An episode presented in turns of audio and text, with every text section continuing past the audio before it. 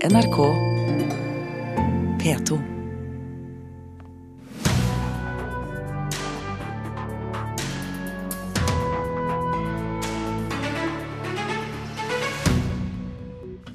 Sommeren er over, og det betyr rent radiomessig at vi bl.a. har Kulturnytt tilbake på lufta, og vi begynner høsten med disse sakene. Om spillpedagoger får det som de vil, kan Pokémon GO bli et av lærerverktøyene i skolen. Fiskevær, moloer og fyrtårn over hele Kyst-Norge fredes fra og med i dag. Riksantikvaren kommer på besøk til oss om ikke så lenge. Og det er fremdeles få gutter som danser ballett, men Balletthøgskolen i Oslo ser en markant økning i antall søkere. Vi begynner med Pokémon Go, spillet der du altså beveger deg rundt i byen eller rundt i skogen eller hvor som helst egentlig, for å fange digitale dyr. Det har blitt en farsott i sommer. Men nå nærmer jo altså skoleferien seg slutten, og med det får tusenvis av Pokémon Go-spillende barn i Norge nok begrenset spilletid, kunne vi tro. Men så er spørsmålet, kan denne bevegelsesgleden brukes i skolen også? Jeg tror det blir litt mindre, fordi da er det jo lekser og skole. Det må også komme sette begrensninger på hvor mye vi skal se på skjerm, da. Kanskje litt mer i helgene. Det sier Ida og Ellen Skappel, som sammen med spillende familiemedlem er i Frognerparken i Oslo for å gjøre siste innspurt i den digitale Pokémon-fanginga før sommerferien er over. Men eh, det blir kanskje ikke like mye som var i sommerferien. Nei. Men om spillpedagog Tobias Ståby ved Nordahl Grieg videregående skole i Bergen får det som han vil, kan det være mulig å holde fram med spillinga på skolen. Pokémon Go er et spill han ser for seg vil passe godt i undervisning. Til dømes i historiefaget. Disse pokestopsene som av og til knytter til et slags historisk minnemerke, så står det gjerne et lite avsnitt om hvem dette er en statue av, osv. osv. Og der er jo veien veldig rask til over til et lite prosjekt i lokalhistorie, f.eks. Gå ut, så hvordan pokestops er der i nærheten av der du bor, skriv en artikkel om det du finner. Eller du kan kanskje be elevene eh, lete etter minnemerker og ting som ikke har en pokestopp, men som burde ha det. Tidligere har Ståby bl.a. nytta samspilling av zombiehistoria The Walking Dead som grunnlag for diskusjon i etikk og religion, og med det blitt omtala i internasjonal spillpresse. Ved siden av jobben som lærer i historie, norsk og samfunnsfag, har han og en kollega 10 stilling hver til å utvikle undervisningsopplegg for digitale spill til bruk i norsk undervisning. Den mest liksom, universelle begrunnelsen for spilleskolen er at vi lærer gjennom opplevelser, alle spill er opplevelser. De gikk ikke alene om det. Jeg har kalt det digitale ekskursjoner tidligere. Da med samme pedagogikken som en, en vanlig ekskursjon i naturfaget, f.eks. Men jeg tror en av fordelene med Pokémon GO, eller kanskje de spillene som kommer etter Pokémon GO igjen, er nettopp det at artig og interessant måte å komme seg litt ut av klasserommet på. Det å bruke Pokémon GO og, og, det som egentlig er et kommersielt spill inn i undervisningen, kan ha, ha mange positive aspekter. Det sier Eirik Jotten, rektor ved Revheim ungdomsskole i Stavanger, som har en master i bruk av IKT i skolen. Ved siden av bruk i kroppsøving synes han òg at Pokémon GO har pedagogisk potensial. Han mener at motivasjonsfaktoren er det viktigste, men at spill ikke er et magisk vidundermiddel for å gjøre skole gøy og nyttig. Hvis lærerne i tillegg greier, å sette dette inn i en pedagogisk sammenheng og, og koble opp kompetansemål i i læreplanen, så, så kan dette her med, med å bruke pokestop, og da kan en trekke inn f.eks. mye historie i dette i tillegg. Både to er samd i at det finnes utfordringer og problem knytta til å ta seg nytte av spill som det her. Ståby mener likevel at en må være pragmatisk i møte med spillkulturen, og at det er naturlig at en skal kunne bruke spill på lik linje med litteratur eller filmer. Spill er en kulturform som mange ungdommer og voksne benytter seg av. Og iallfall hvis du er lærer i kulturformidlende fag, så bør du inkludere spill på et eller annet punkt. Og da mener jeg altså ikke lære med spill, men rett og slett å lære om spill. Så, så det er på en måte ikke for alle lærere skal være som, som en av metodene i et stort metodeutvalg som, som kan være med og gi god undervisning og gi god læring for den enkelte lærer. Og hva tenker Ida og Ellen om muligheten for å kunne bruke Pokémon GO på denne måten? Det kunne vært en fin skoleoppgave. Ja. Ja, Det er en god idé. det er en god idé. Reporter her, det var Andreas Hatzel Opsvik.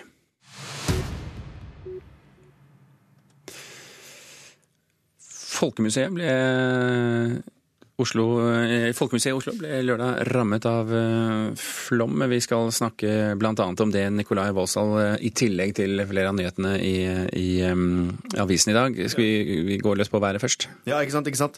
Ja, for som du sier, så har da Folkemuseet i Oslo blitt uh, rammet av flom på lørdag. Um, flere steder har, uh, har, det kommet inn vann i kjellerne, og rommet som huser utstillingen Hjemmets teknologi, var på det verste 70 cm vann, eh, eller hadde på det verste 70 cm vann på gulvet. Eh, nå har museet riktignok fått ut vannet og jobber med å kartlegge omfanget av skadene. Og informasjonsleder Paul Mork sier til NRK at de tror de klarer å redde de fleste gjenstandene. Vi var veldig bekymra i går kveld. Det ser litt bedre ut nå. altså Det siste jeg hører fra Folkemuseet, at man er mindre bekymra nå enn vi var i går kveld. Det er nok noen gjenstander som uh, har fått skade, og det blir jo en jobb å prøve å få uh, redda dem. Men uh, like fullt, altså det, vi, vi, har håp om at det ikke er mange gjenstander som, som har blitt ødelagt.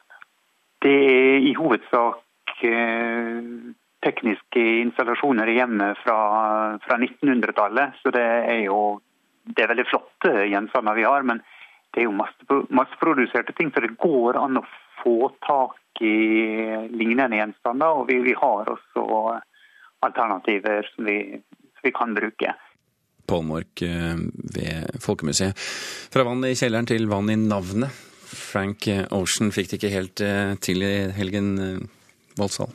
Nei, eh, det gjorde han absolutt ikke, som Dagbladet fint påpeker i dag. Eh, for det har nå gått fire år siden han slapp eh, den forrige albumet 'Channel Orange', som gjorde han til en verdensstjerne. Og fansen har ventet nå kjempelenge, fordi han har lenge lagt ut kryptiske meldinger om mystiske ting og tang i sosiale medier, som gjerne da har referert til albumet sitt til som heter altså 'Boys Don't Cry'. Um, senest i forrige uke så ble det enda mer hype etter at uh, det kom en livestream på nett uh, som viste et varehus hvor det var altså arbeidsbenker, og du kunne se han snekker på et eller annet. Uh, og dette gjorde da umiddelbart at folk trodde at plata skulle komme nå forrige fredag. men det skjedde jo ikke, da. Og da i kjølvannet av denne skuffelsen så florerer forvirringen i sosiale medier og Frank Oceans egen Reddit-side og alt mulig rart om når er det dette albumet egentlig kommer. La oss eh, til slutt ta noe atskillig mer stabilt. Vi rekker en tur innom Svalbard. Vi snakker om BBC, og vi snakker om en dokumentarserie bl.a. med en norsk taxisjåfør. Ja. Uh, nei, det dreier seg akkurat uh, om det du sier. Uh, BBC har nå laget dokumentarserien 'Svalbard Life on the Edge', skriver Aftenposten. Og den skal følge da ti innbyggere, bl.a. taxisjåføren Viggo Antonsen, som forteller til avisen at han håper serien skal bl.a. bidra til økt turisme til Svalbard. Eh, og dette er da en eh, serie du vil da kunne se fra og med 29. august. Og det vil også 37 andre land fordelt på fem kontinenter. Nikolai Mosdal, eh, takk skal du ha. Vi hopper til damen ved din side. Mona Palle Bjerke har kommet i studio fordi for noen så gir jo høsten en fantastisk følelse av blanke ark og spissede blyanter, men for andre så blir de mer grepet av den store, lammende mandagsfølelsen, eller høstfølelsen. Mona Palle Bjerke, altså kunstkritiker her i NRK. Når det gjelder Kunst-Norge så ser jeg vel mer for meg at det er blanke ark og fargestifter og pågangsmot som gjelder. Ja, det er det absolutt. Det er mye som skjer nå. Og en ting som jeg gleder meg veldig til, det er jo Bergen Assembly. Det er den store, nye kunsttriennalen i Norge. En triennale er jo en utstilling som åpner hvert tredje år. Og den skal åpne for andre gang i Bergen nå i begynnelsen av september. Nå har de lagt den opp litt annerledes i år, slik at den, den er ikke sånn samlet som én utstilling. Den har liksom noen hendelser spredd gjennom hele året, men det er en fortetning da i begynnelsen av september hvor det skjer en del ting. Så det skal bli spennende. Jeg håper jo at Den forrige var jo veldig energisk og ambisiøs, men den var også veldig lukket om seg selv og ikke så veldig tilgjengelig for folk flest, kan man kanskje si. Så jeg håper at de vil ha en litt åpnere variant denne gangen. Men en annen veldig spennende ting som skjer, er jo at det åpner en kunsthall i Trondheim. Mm. Og det kan jo hjelpe til å posisjonere Trondheim litt som kunstby, som har slitt litt med å markere seg i konkurranse med Bergen, f.eks. Ja, og... Så det skal bli veldig bra. Og så er det jo Nasjonalmuseet da, som begynner å pakke langsomt, men sikkert sammen. Så det er også kunsthøsten preget av. Men, men det blir vel noe mindre aktivitet da, går jeg ut fra? Ja, det gjør det. Altså, det er jo Kunstindustrimuseet stenger nå eh, etter den eh, Japanomania-utstillingen i oktober. Og da, da, stenger de dørene frem til eh, 21, faktisk, hvor det nye museet åpner. Men de har jo da på eh, andre plattformer viser de ting fremdeles. Og Nasjonalgalleriet f.eks. skal jo holde åpent nesten frem til nyåpning, så vidt jeg forstår. Ja. Henny Onstad kunstsenter, i dette kunstsenteret som ligger i Bærum utenfor Oslo, de hadde jo en enorm suksess, rekord på rekord, med, med Yayoi Kusama Kosama og, og Nikolai Astrup-utstillingen, som, som, for øvrig fremdeles um, henger. Hvordan skal de klare å følge opp det? Ja, Jeg gleder meg veldig til den store utstillingen de har der eh, i høst. Det er nemlig en midtlivsretrospektiv med Lotte Connow Lund, som er en av mine favorittkunstnere. Og hun har tittelen da 'Hold allting kjært'. Midtlivsretrospektiv, ja. Sånn at det er liksom så langt i livet. Og hun skal da vise bl.a. sitt nye fengselsprosjekt, der hun har jobbet med innsatte på Bredtvet eh, kvinnefengsel. Så det skal bli veldig spennende. I tillegg så vil jeg jo tro, med en tittel som 'Hold allting kjært', at vi også skal få se det flotte 22. juli-arbeidet hennes, 66 minutter, hvor hun har lagd en slags liten omfavnelse, et lite gjemmested for sin egen datter, eh, som en slags respons til den tanken på alle de ungdommene som lå og gjemte seg under massakren på Utøya. Dette, dette var litt større enheter, altså Bergen, Trondheim, Oslo. Har du noe fra litt eh, interessant som skjer andre steder i landet, for å stille spørsmålet slik? Ja, det er jo Bergen, da. Vi har allerede nevnt Bergen Assembly, men på Kode så feirer de altså sølvskatten 1816. Eh, det er 200-årsjubileet til Norges Bank. Det kan være litt forvirrende, for de har jo allerede en permanent utstilling eh, som heter Sølvskatten. Eh, men ellers er det jo på 3,14, det lille galleriet der på Torgallmenningen, hvor de har en utstilling som, hvor man er fokuserer på syvtallet, Magic Seven, hvor eh, Gitte Sætre er opptatt av 7000 års mannlig krigskultur på våre syv kontinenter, sier hun annet. Det tror jeg kan bli ganske morsomt. Mm, Stavanger?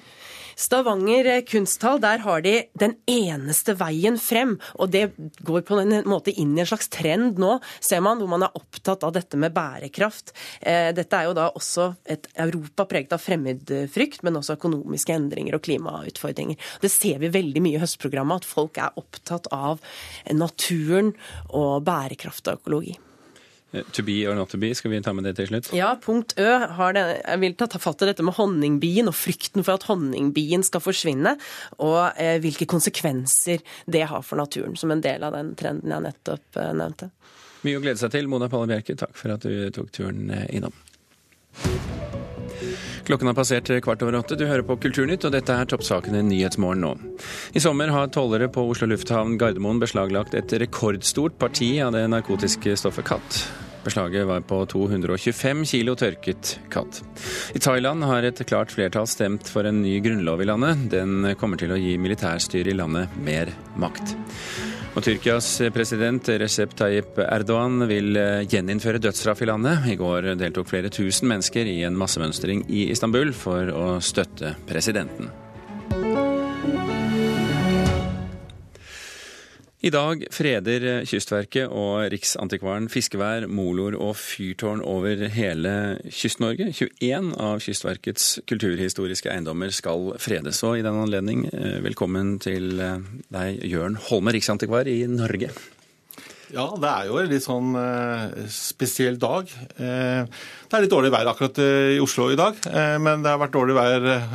Og verre skal det bli. Og verre skal det bli. Men Det er jo ofte dårlig vær. Og. For å begynne med det, så, så handler dette egentlig veldig mye om historisk sjøsikkerhet når vi i dag skal frede 21 ulike kystanlegg, eh, Varder, fiskerihavner, fyrlykter, en loshytte til og med, så handler det om faktisk sikkerhet eh, for de som eh, bor langs kysten, for de som seiler langs kysten. Er det en tematikk du eh, snakker om her?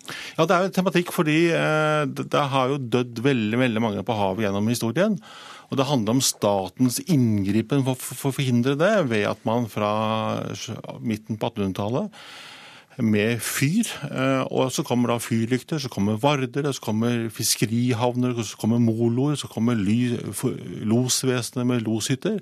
Alt dette er jo for å redusere de store tap av menneskeliv langs kysten. Men hvorfor skal det fredes? Fordi det forteller om en, en kysthistorie, en statlig kysthistorie, hvor staten faktisk går inn og sikrer ferdselen langs kysten eh, med historiske anlegg. Eh, eksempelvis disse store, sorte vardene som vi syns liksom er litt rare i dag. I dag er jo moderne eh, med, lys og til og med med sånn GPS og, GPS og, og, og sånn solcellepanel som da gir strøm til disse anleggene. Så det er en sånn statlig kystsikkerhetshistorie vi i dag skal ta vare på. Eh, og Det er en sånn spesiell dag, fordi det handler ikke minst om eh, sikkerhet på sjøen, eh, og hvordan staten veldig tidlig går inn og lager ulike anlegg. Og Kystverket har gjort en fenomenal jobb. Eh, med å også faktisk eh, sette i stand mange av disse anleggene. Fra før har vi 83 fyr fredet, og nå tar vi resten av denne statlige kysthistorien og sikrer den for fremtiden. Men, men jeg ser for meg, når du ser disse fyr... Altså de er jo laget for eh, å stå, for å si det sånn. Moloene er jo ikke sånn man bare flytter på og tuller med. Er det nødvendig å frede det? Ja, selvfølgelig, Moloene vil jo alltid være der, sånn sett. Men andre anlegg vil jo lett kunne bli sånn krevd fjernet i forbindelse med en annen utbygging og sånt. Nå, slik at eh, det er forskjellige, det er forskjellige historier eh, sånn sett. Da. Men, men hvordan, hva er det i praksis eh, det betyr for, for kystkulturminnene at de fredes? Det betyr at de skal stå der til på utgangspunktet evig tid. De skal da vedlikeholdes og passes på av Kystverket, som da selv om det ikke er et behov for dem lenger, faktisk holder de ved like. Slik at kystens sikkerhetsmerker og anlegg eh, vil bli bevart. Og Det syns jeg er veldig viktig. Vi er en kystnasjon. Eh, og det å ta vare på den type anlegg som en del av eh, vår historie er, er viktig. En av disse anleggene vi skal også frede i dag, vi skal markere dette på Hvaler, nede på, nede på Brattestø, et anlegg fra slutten av 1800-tallet. Men en av de andre fiskerihavnene heter Silla i Selje. Og da tenker jo alle sammen ja, men selvfølgelig skal en fiskerihavn hete Silla eller Torsken. Men den heter ikke Silla fordi pga. fisken. Nei. Den heter Silla fordi at Sille betyr jo stille. Så det, en stille fiskerihavn, det er ordet Silla fiskerihavn på Selje. Men, men, hvor mye av eh, historiene, altså alle disse menneskelige tragediene, er det som blir bevart ved å bevare disse objektene? Altså, Historien om tragediene er jo der, og sånn sett er jo godt beskrevet gjennom litteraturen. Eh, men jeg tror på mange måter at eh, hvis folk får bevissthet at ja, men dette er nå fredet, så vil man faktisk se på anleggene og tenke på de og ha respekt for faktisk at de er blitt laget nettopp for å gi en sikkerhet historisk tid, men også sikkerhet for oss i moderne tid ved å ferdes langs kysten og ikke minst fiske fra kysten. Bjørn Holme, takk for at du kom til Kulturnytt. Bare hyggelig.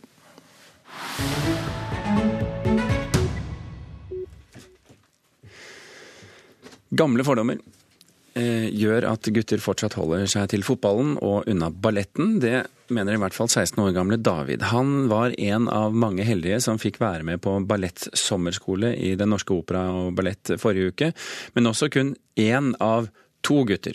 Men eh, han tror dette vil bedre seg, fordi eh, Balletthøgskolen i hvert fall, de ser en klar trend.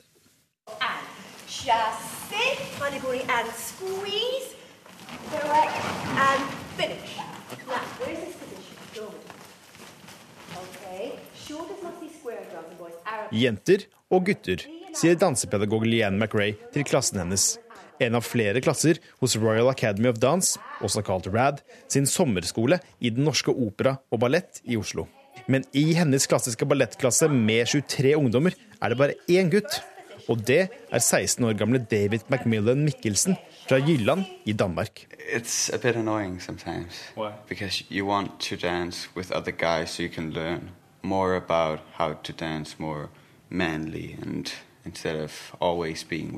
han synes det kan være irriterende å bare danse med jenter, fordi han vil lære å danse som en mann. It's a bit sad, because people still have that vision that if you dance ballet as a guy, you're either gay or you're just too feminine. And that's not how it is. Mikkelsen forteller at han også er eneste gutt på hans danseskole, kanskje til og med i hans egen kommune. Og grunnen til at det er slik, mener han er fordi det fortsatt er en oppfatning om at mannlige ballettdansere enten er homofile eller feminine. Dette er fordommer han også møtte på i barndommen, og han sluttet å danse i mange år, bl.a. pga. mobbing i skolen. Kid, I used to go to a, a Danish Royal Ballet in Holstebro. I remember after I stopped, I told a lot of kids about it because I thought, well, that's what I did. And they were like calling me gay and stuff like that because that's what they thought that if you were dancing ballet, you were gay. And they kept on doing it. And then at a moment, I stopped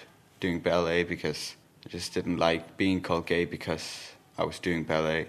And then they just kept on going even though I stopped. Det, det er dumt at det er fotball som skal være for gutta, som ikke har noe annet å ty til. Sier Karina Lund, som er national manager i RAD Norge. Jeg har jo opplevd sjøl når jeg har drevet og sittet og trent på dans eh, som pedagog, og så er det, husker jeg en gang jeg satt en gutt og satt og så på. Og så sitter faren ved siden av i gangen og venter på lillesøstera som trener i studio ved siden av. Og han sitter Du så han hadde så lyst til å reise seg opp og være med og danse, ikke sant? Men, eh, og så sier far et eller annet, jeg hører ikke hva, men da kryper han tilbake og setter seg ved siden av faren og sitter ikke og ser på meg noe mer. Det er synd at det henger igjen et sånt stigma ennå, da. At det, er, at det, blir sett på som rart og kanskje litt feminint og, og sånn. Susanne Bjørneboe er dekan ved Balletthøgskolen ved Kunsthøgskolen i Oslo. Og til tross for det hun sier her, forteller hun at det har vært en markant økning i antall mannlige søkere, men det er fortsatt klart flere jenter. Det varierer en del fra, fra år til år. Vi har vel aldri vært over 50% gutter. Vi har vært 80-50 Bjørneboe sier at norsk kultur, i tillegg til oppvekstmiljø, antall forbilder og dansefag i skolen, er årsaker til at det fremdeles er få gutter som tar ballettskoene fatt. Frankrike, Russland er viktig, Øst-Europa generelt. Land som har en sterkere tradisjon, eh, klassisk tradisjon innenfor klassisk ballett, og, og som har en større prestisje med det å være klassisk danser. Kanskje en mer sånn folkelig del av kulturen pirouette, and then as soon as you get there, you've got to get this back round and round. Round. And where's your audience out there projecting? You shouldn't be afraid to start doing ballet if you're a guy because it's it's not it's not what people say, and if there's enough guys starting ballet, it just becomes just like football, handball, or anything else. It's just a sport.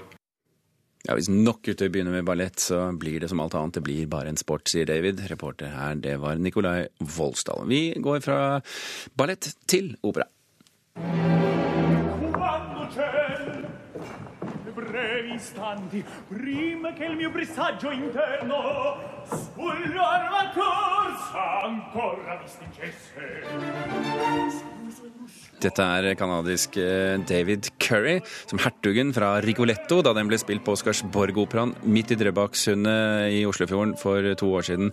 Førstkommende fredag er det premiere på Madam Butterfly samme sted. Anne Fellberg, operasjef for Oscarsborg-operaen, velkommen til Kulturnytt. Tusen takk skal du ha. Litt nærmere mikrofon. Vel er det operasanger, men jeg vil gjerne ha deg litt nærmere ja. mikrofonen hvis du er snill. Det skal du få. Eh, for de som ikke vet det, eh, hva slags operascene er Oscarsborg?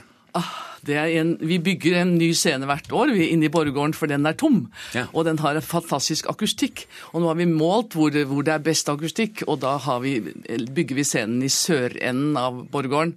Og der er det plass til 1250 publikum hver kveld. Så det er en stor scene vi snakker om. Men hva er det som gjør denne Borggården eh, så god akustisk? Det er jo hvordan den er konstruert i 1853, og ikke, ikke vet jeg. for den er jo ikke at, laget i opera, for å si det sånn? Nei, nei, nei. nei. det er vel en, en kommandant som skulle høres, regner jeg med. Ja. Eh, du er jo selv sanger. Eh, mm. Hvordan er det å stå på scenen i denne borgen? For, det er jo rent akustisk, det er jo ikke mikket opp på noe som helst vis. Hvordan er det å kjenne stemmen sin tilbake? Det er, det er, veldig deilig. Det er jo en luksus for en sanger å få, få sin stemme tilbake. Da får du jo en, en liten kontroll på hvordan, hvordan, du høres ut. Og da kan du jo nyansere, da kan du jo synge svakt og synge sterkt og få, få til alle de småtingene som du har øvd på.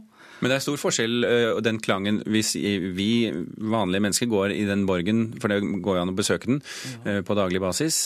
Hvis vi går der og, og kjenner klangen, så er det jo noe helt annet når du har 1200 publikummere der. Du må jo ha litt trøkk da òg. Ja, ja, ja. Men det gjør ikke så stor forskjell med, med publikum. Det nei da, det er bare hyggelig, det. ja, det er hyggelig. Ja, det vil jeg tro. Eh, Hvordan ser dette ut? Altså, det, Madam Butterfly foregår jo i Japan, eh, så vidt jeg husker. Ja, Nagasaki i Japan i 1904. Ja. Hvordan ser dette ut i denne borggården, som jo er noe helt annet enn Japan? Å, det er så vakkert. Vi har en japansk scenograf. Sier du det? Ja, og kostymedesigner. Altså, og hele scenografien, det, det er et stort japansk kirsebærtre i blomstring. Ja, Ikke ekte, riktignok. Hva sa du? Ikke ekte, riktignok. Eh, nei. Eh, eh, Men det er mer enn bare kirsebærtre, kanskje?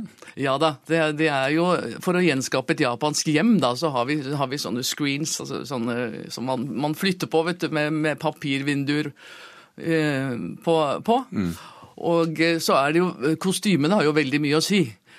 For vi har jo ikke tepper og draperier og sånn ute på, ute på borgen. så det er, det er jo... Ja, for det man jo er i borgen, er jo aldri ja, tvil om man, det, ikke sant? Spiller, ja, Borgen hjelper oss med å lage den atmosfæren og det, og det landskapet vi vil ha.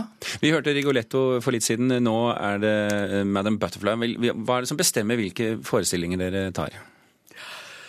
Eh, det er jo vi i kunstnerisk ledelse eh, som, som gjør det. Et kunstnerisk råd sammen med, med meg. Og vi, eh, gjør, eh, vi, vi vil at det skal være kontrastfylt, så, så folk skal komme igjen og igjen, så de ikke vet eh, Det blir en overraskelse hver gang. I fjor spilte vi Flaggermusen. Og Men det er masse lek og tradisjonelle moro. operaer, det er de populære. Ja, det er det absolutt. Det er publikum, det, Noe må til for å få dem over vannet. Ja, ikke sant? absolutt. Det er hele pakken. Med, fordi at det er på en øy, og det er en vakker reise, og, og man må ta seg den, den tiden, og det er et lavterskel. Du må jo komme som du er. Om det er langstøvler du, har på deg, eller hva, hva det er, så, så er det jo ikke som å, som å pynte seg og gå inn i en, en sal. Vi er jo utendørs. Ja, så så da kan du jo også få dårlig vær. Absolutt. Det kan bli dramatisk. Absolutt. Anne eh, Fellberg, eh, tusen hjertelig takk for at du kom til eh, studio. Det er altså Oscarsborg-operaen som har premiere på fredag. På onsdag. På onsdag? På onsdag den tiende. Vi har på forestilling 12.. også på fredag. Ja, ja, ja, men da er det altså onsdag. Godt vi fikk klargjort i det. Og det var det vi rakk å klargjøre i Kulturnytt i dag. Vi er slutt. Tone Staude og Birgit Kålsrud Aasund takker for følget. Hør flere podkaster på nrk.no podkast.